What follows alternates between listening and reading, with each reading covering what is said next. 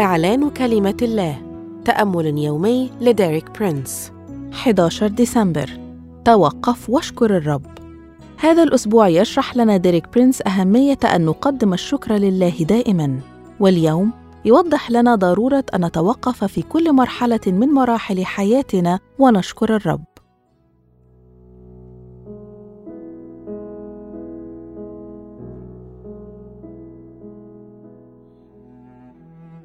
بعض الناس ممتنون حقا لله ولكنهم لا يقضون وقتا يخبرون فيه الله بذلك.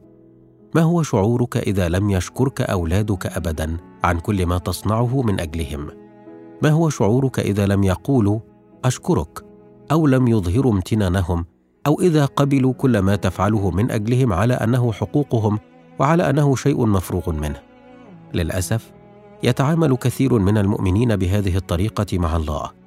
وهي ليست مرضية له. يجب علينا أن نقدر ما يقدمه الله لنا وأن نقضي وقتا لنعبر له عن امتناننا. إحدى الآيات المفضلة لي الموجودة في أمثال ثلاثة العدد ستة. تقول في كل طرقك عرفه أي الرب وهو يقوم سبلك.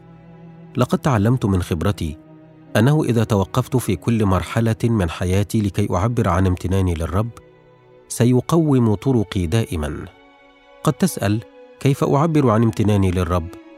أبسط وأفضل طريقة هي أن تقدم له الشكر. قل له أشكرك من أجل كل ما صنعته من أجلي. أشكرك من أجل أمانتك. وستحصل على ضمان فوري أنه سيظل امينا.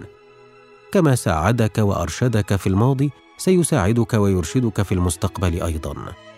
ولكن المفتاح لهذا التأكيد هو التعبير عن امتنانك له بأن تقدم له الشكر.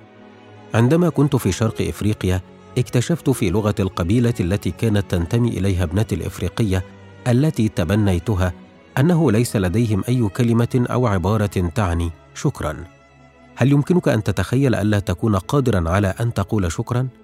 وحينئذ أدركت أنه فقط حيثما وصلت بشارة الإنجيل تعلم الناس أن يقدموا الشكر ويقولوا أشكرك.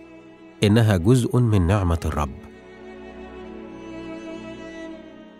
أشكرك يا رب من أجل كل ما فعلته من أجلي. أعلن أني سأتوقف عند كل مرحلة من حياتي وأعبر عن امتناني للرب بتقديم الشكر له وسأظهر الشكر في حياتي. آمين. للمزيد من الكتب والعظات لديريك برينس قم بزيارة موقعنا dpmarabic.com.